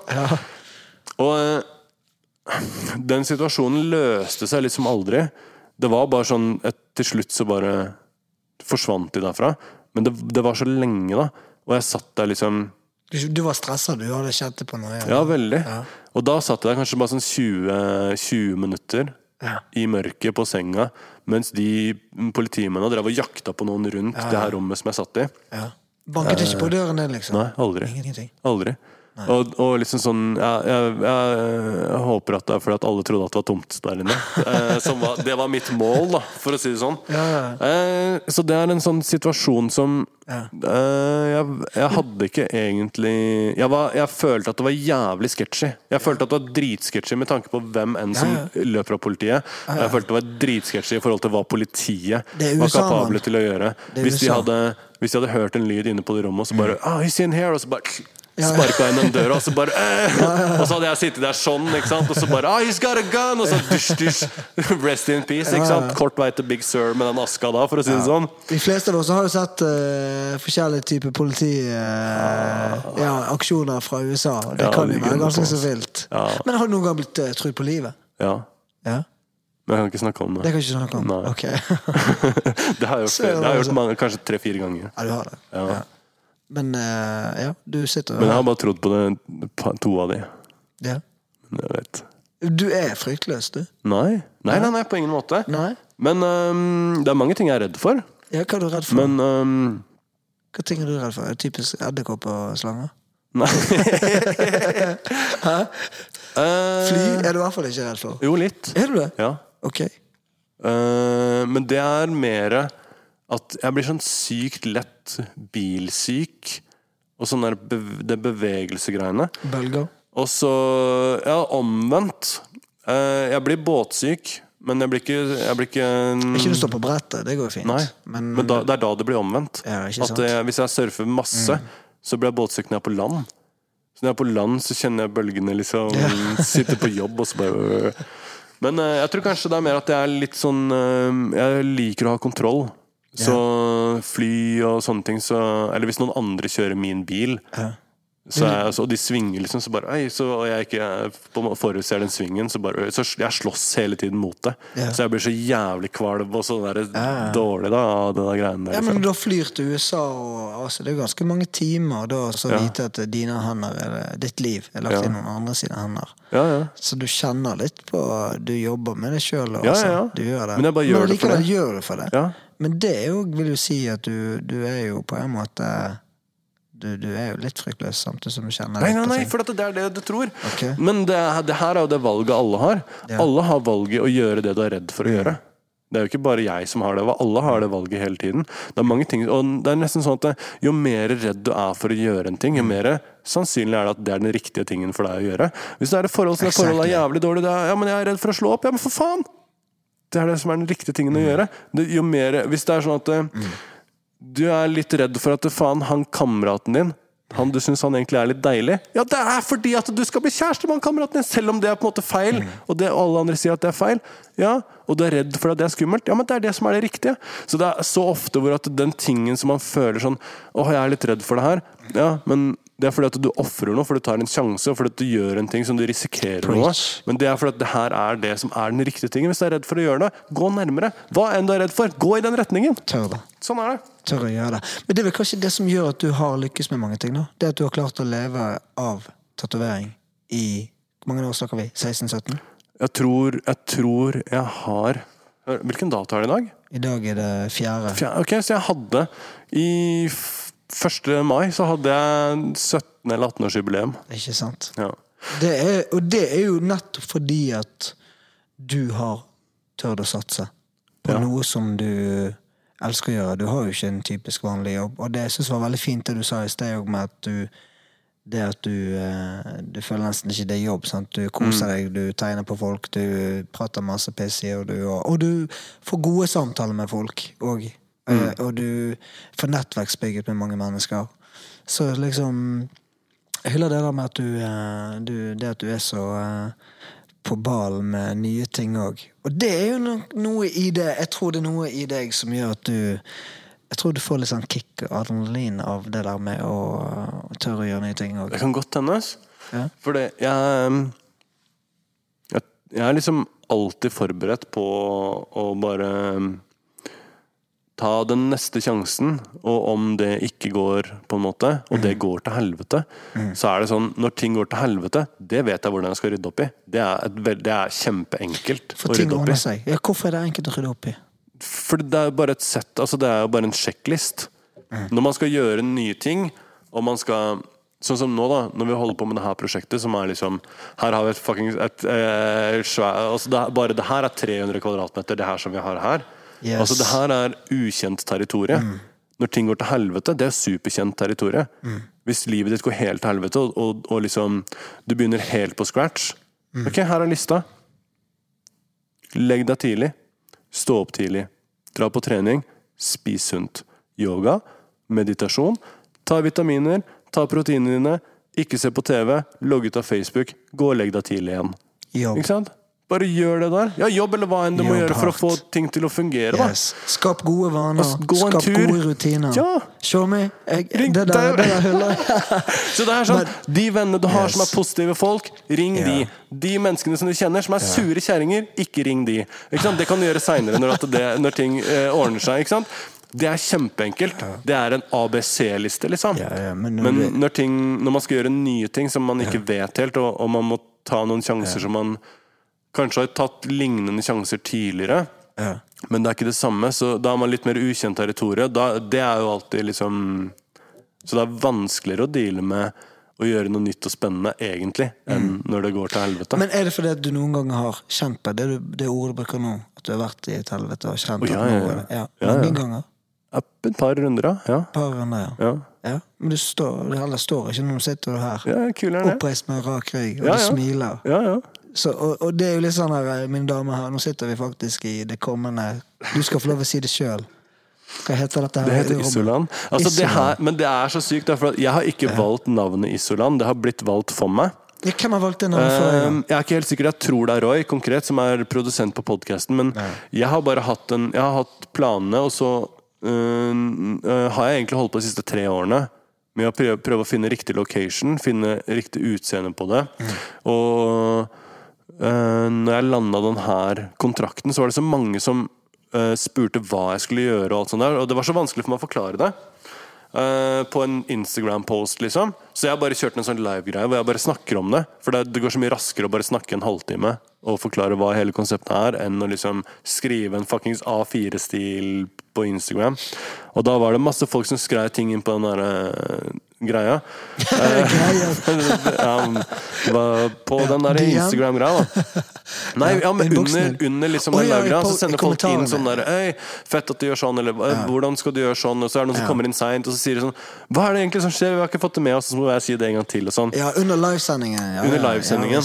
Eh, Så da, jeg tror det var Roy som bare sånn Hei, Isolan, brødre. Eh, og det blei jo til at eh, folk eh, kommer til meg hver dag. Og når jeg har sagt det her Det er sikkert en uke siden jeg sa det sist, og i den uken også så har det kommet folk til meg nesten hver dag og sier sånn Øy, hva skjer med Isoland? Liksom, Jævlig fett. Faen, det navnet er så Det er for syk, liksom. Det er dritfett. Det er som Disneyland, men bare Isoland. Og det er liksom Det flower så fett. Og jeg er sånn Jeg har jo ikke engang valgt det navnet! Men det vi kan si, Men- det blir, ja. ikke, det, blir jo en slags fornøyelsespark, men det blir ikke the thing. Nei. Vi skal ha en glasskiste der borte. bang. Altså, det som er fett, er jo det, det jeg tenker med en gang når vi sitter her nå, Anders, det er jo liksom at hele din reise Sant? Mm. Fører Det høres ut som at her stopper det, for det tror jeg overhodet ikke. Snart er det freakens eh, Disneyland du skal bygge. Men det er mye alt det du har gjort, da. Mm. All reisen med barndom, det er ute og reist i verden. Alle dine kreative prosjekter med musikk, kunst, eh, tatovering. Og nå. Sant? Hva, hva, hva kommer inn i dette rommet her, da? Det kan du få si sjøl. Altså, det her blir jo eh, Det som er spennende nå, da, er jo for at den, den beste måten å gjøre det her på, er jo å gjøre det nå. For nå er jo det her Det er tre dager siden jeg fikk nøklene. Vi har gjort ingenting her. Vi har bare malt liksom, de, de fargene bak her. Hvis du lurer på hvorfor det er, det er liksom fire forskjellige fæle farger på veggen bak her Det her er fargeprøver som vi har prøvd, og som har eh, ikke vært de rette fargene. Så Men man må teste males. for å finne ut av det. Man må, man nødt til å teste. Så har jeg fått mye ideer og mye uh, tips da om hva, hva vi burde gjøre. Så det her blir et sånn stort rom hvor vi skal ha malekurs, uh, sip and paint, alt, alt mulig altså Eventsgreier hvor vi skal ha live podcast-greier. Vi kommer til å fylle det med, med på en måte kreative eh, prosjekter. Da. Altså hvis det er eh, hvis det er eh, noen som er helt jeg har, jeg har allerede en del folk som skal komme og holde kurs, da, som er flinke, liksom store norske kunstnere. Folk som driver med lærearbeid, for, silketrykk. Alle mulige sånn Masse forskjellige sjangre, masse forskjellige ting. Og så, kan og kan vi rigge til sånn at vi kan ha 15 elever med lærere som lærer å male av liksom, en norsk kunstner som du har liksom, hørt om på skolen. Liksom, da. Sånne ting som det her. Som ikke, det fins ikke et lite nærmiljø som Larvik fra før i det hele tatt. Um, og så er det liksom sånn Det er kort vei til Tønsberg, det er kort vei til Skien. Det er lett å samle mange Kort vei til mennesker. Oslo Kort vei til Oslo. Ja. Det, er, det er lett å, å få til sånne ting. Da. Så her skal det være litt sånn til og med til Arendal! Så her skal vi ha litt sånne events. Eh, vi kommer til å bygge bar og sånn, så vi kommer til å ha skjenkebevilgning ved noen events som har 18-årsgrense. Um, vi kommer til å gjøre tattobåser i de her glassrommene bak her. Tre store tattobåser. Og så har du et eget det har ikke vi sagt ennå, men et eget trykkeri, kompis. Og så har jeg et Med ditt eh, eget klesmerke. ja. Later, har- hater. Later, hater! Uh, så vi, uh, vi kommer til å ha trykkeriet her, hvor vi gjør masse bandmerch. Vi gjør uh, podcast-merch. Vi gjør merch for en av en eh, norsk podkast som er på sånn topp 100-toppen, liksom, som gjør det superbra. eh, og selger jævlig mye merch. Vi har gjort merchen til Stavernfestivalen. Vi har gjort um, ja, vi, vi, har, vi, holder, vi har, prosjekter fra alt fra liksom spandex til liksom kreative prosjekter som er uh, um, uh, DJs, eller liksom Akkurat nå holder vi på å gjøre til noen Oslo-restauranter, noen kyllingrestauranter. Skjæra til Crispy Clubs. Beste kyllingen i mest sannsynlig Europa. Det må jeg sjekke ut. Så, ja, jeg 100 er veldig glad i kjøring, for siste. sånn. Eh, Så hvis man drar på Stavernfestivalen, eksempel, så har vi gjort merchen til Stavernfestivalen og Crispy Club, som har to sands på Stavernfestivalen. Eh, Så um, vi er liksom um, Vi er i en veldig sånn ekspanderende fase, da. Ja. Det blir mye som skjer her. Men Ja. du glemte å si en ting, da, Shami. Ja. Du har jo, du har jo din egen eh, kunstutstilling eh, på gang òg. Ja, så vi, det skal bli vernissasjer her også. Så vi har en kunstutstilling som jeg har sammen med Uh, Erik Næss Christiansen og Eirik Hammer og Lepreme uh, Supreme, holdt jeg på å si. Lamour Supreme fra New York. Som uh, Lamour Supreme er han som har gjort Han har gjort de uh, Wu-Tang-coverne som er sånn tegna. Det er ganske så fett. Og han har gjort eh, Det er, jo, eh, det er jo noe jeg kan relatere til. Ja, han har gjort masse sånn hvis du, har sett, hvis du har sett kule New York-cover som er tegna, så er det han som har gjort det. Fett. Uh, og gjør uh, det her er nye prosjektet til 7L og Esoteric og sånn, Sarface eller hva det heter for noe. Han har tegna alt det greiene der. De har, de har også laga en tegneserie. eh, Hvor han har tegna alt sammen, de har skrevet historiene. Eh, så vi har lagd en utstilling, da, vi fire, som har vært eh, hengt på et galleri på Tiffany i, eh, på Frogner. Eh, og så har det vært en runde på Final Outlines i Drammen. Og så, når vi får det her opp, så må vi selvfølgelig ha det en liten sånn paraderunde her eh, også, til visning, før, det, før vi selger alt sammen. Eh, men også mm, kjæresten min, Henriette, kommer til å ha en utstilling. Uh, jeg, har, jeg kan ikke snakke om noe av det her, egentlig. Vi, det jeg, har masse, jeg har masse sykt mye kule folk som kommer til å ha store utstillinger her. Så det kommer til å bli navn som man har hørt om før. Det blir rett og slett en uh, fornøyelsespark. Det gjør det, ass! Gjør De gjør det. Mye fornøyde mennesker. Ja. Mye fornøyde ja, gode produkter. Men også kreative energier. Man kan ta alle de her med altså, Jeg kjenner så mange mennesker som driver med så mye kule kreative ting. Og noen ganger så har jeg lyst til å bare DJ Khaled det. Og bare liksom sånn Hei, du og du og du. Vær så god. Sett dere der borte i sofaen. Ta ti minutter og snakk sammen. Ikke sant? Man bare vet hvordan liksom sånn Man kan bare matche opp de her energiene. Da. Og jeg har lyst til å lage et rom hvor det kan skje.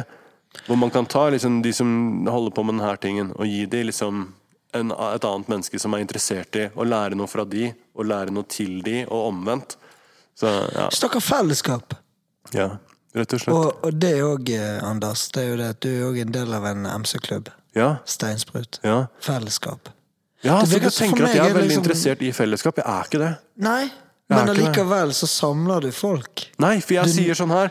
Jeg gjør sånn her, dere kan være med hvis dere vil. Ja. Men du får, får du energi av å være med folk? Mm, Til tider? ja, jeg vet ikke. Ja. Tenker ikke så mye på det. Nei. Eh, Du har møtt en bergenser som er den analytikeren. Ja, men det er kjempebra, for jeg, jeg også er jo glad i å analysere litt oppførsel og hvorfor folk gjør som de Ikke sant? gjør og For sånn. det er litt så fascinerende, for for meg virker du som en type som eh, det å ja, altså Veldig mange kunstnere er jo veldig introverte òg, Ja. som får utløp gjennom kunsten sin. Ja. selvfølgelig da Men for meg virker det som at du har begge deler. Ja, nei, for det, i kunsten min så har jeg ikke så mye jeg, jeg lager ikke kunst for å fortelle min historie, eller lager kunst for å liksom Jeg har så mye i meg som jeg ikke får sagt. Yeah. Jeg bare skaper, Yeah. hvis du skjønner forskjellen. Yeah, Jeg er som en graffiti-writer, liksom. Jeg skal ut og bombe. Du skal bare bombe. Jeg skal, jeg, det er ikke Min historie er, Er det det som jeg drug? er. Er det en slags uh, Drug? liksom Jeg har aldri tatt noe drugs, jeg vet jo ikke hvordan jeg skal sammenligne det med det, men uh, Nei, Vi snakket litt om det i går, da. ja. For at det med liksom at noen må ha et eller annet for å stimulere liksom eh, følelsene sine. Ja, ja. Men du var jo litt inn på det i sted, nei, i går. Det med at liksom for deg er det der å bare ha så mange prosjekter. Det gir en slags rus, sa du sjøl. du, altså, det liksom- du har jo vært på fylla og Ja, ja. ting og tang, og da er jo det en rus, Ja. det òg. Ja, ja. Men du Men jeg du er så kaos fra før, så til og med på fylla så er det liksom sånn Det er nesten ikke noe vits i. ass. Jeg har sånn lange perioder. Jeg har, jeg har sånn, plutselig så går jeg ett år uten å drikke en dråpe alkohol. Ja. Fordi det er ikke noe vits i. Jeg er så jævla kaos fra før. Faen, hvorfor skal du ha meg mer kaos? Eller fordi at du det har bare ender opp at jeg drar og legger meg tidlig. Eller fordi at du har det bra likevel. Du koser deg ut. Ja, Ja. ja, ja. Det virker som Eller, det. ja, men jeg kan også, være, jeg kan også tømme én flaske Jegermeister og bare og danse på bardisken, liksom. Mm. Men uh, Du har knapt gjort det på et år, sa du. Ja, nei, akkurat nå så uh, drikker jeg, men, men uh, jeg har hatt mange perioder hvor jeg har hatt opp mot et år hvor jeg ikke drikker i det hele tatt. Det er sånn, jeg har vært i Las Vegas uten å drikke, liksom. Det Det er er, helt sykt. Det er, det er det er liksom- den eneste i verden som har gjort det. Jeg har aldri vært i Las Vegas, jeg vet ikke. Jeg, Det går ikke an å være der uten å drikke, men jeg har vært der to turer uten å drikke. Så, Men, eh, ja. Havnet du på Ja, spilte du poker, da? ja. Jeg var, sånn, jeg var oppe klokka åtte, spilte klokka åtte-turneringa på morgenen. Liksom. Du mye penger? Opp, eh, nei, jeg, gjør det, jeg pleier å gjøre det ganske bra. Ok. Ja. Jeg er han fyren som Som har eh, hell i som bare spill? kom, som kommer inn på et kasino og får en sånn derre Du må betale du må be, Jeg var på et kasino i Amsterdam for et par år siden med noen kompiser. Og da var det sånn du betaler ti dollar for å henge fra deg jakka, eller euro mest sannsynlig. Og da får du en sånn pollett som da er verdt si 25 euro, for eksempel. Jeg er han fyren som går opp og så putter den på ruletten, og så treffer jeg på det tallet. Og så får jeg den bunken, og så gjør jeg sånn her, og så treffer jeg på det, og så bare wow, god damn! uh, så uh, liksom Og så surrer jeg det bort, kanskje, men uh, hva er det meste du har vunnet, da? Uh, ja, det, det, Da vant jeg 5000 Ja. på liksom et minutt. Ok. Det er ganske kjapt. Uh, så det er ganske På en jakkepolett. Ja. Altså på en free spin, liksom. Eh, så det var, det var ganske heftig. Men jeg har noen sånne syke rides hvor jeg har gjort på craps 5 dollar til 500 dollar. Som er liksom sånn Da skal du treffe faen meg liksom Hvem enn kan gjøre matematikken på det, men du skal rulle de terningene ganske mange ganger da før du liksom Ja, før du kommer dit. Yeah. Men øh, jeg vet, er ikke, det er ikke det at jeg er sånn superinteressert i å vinne heller. Og jeg er, jeg er veldig lite sånn pengemotivert, så jeg, jeg tror ikke at jeg liksom jeg gjør, jeg gjør jo ikke ting for å bli millionær, liksom. Nei, du og Det kan vi være enige om at du og Marius, aka Marve, er ganske så like Anders, aka Isso. Du har så mye historier at vi kunne jo snakket i timevis. Eller Ja, du kunne snakket i timevis, hvor ikke jeg slipper helt til orde. For det, du har jo så mye greier. Du, har, du er jo som en 100 år gammel mann Ja. med et ganske så eh, interessant eh, levd liv.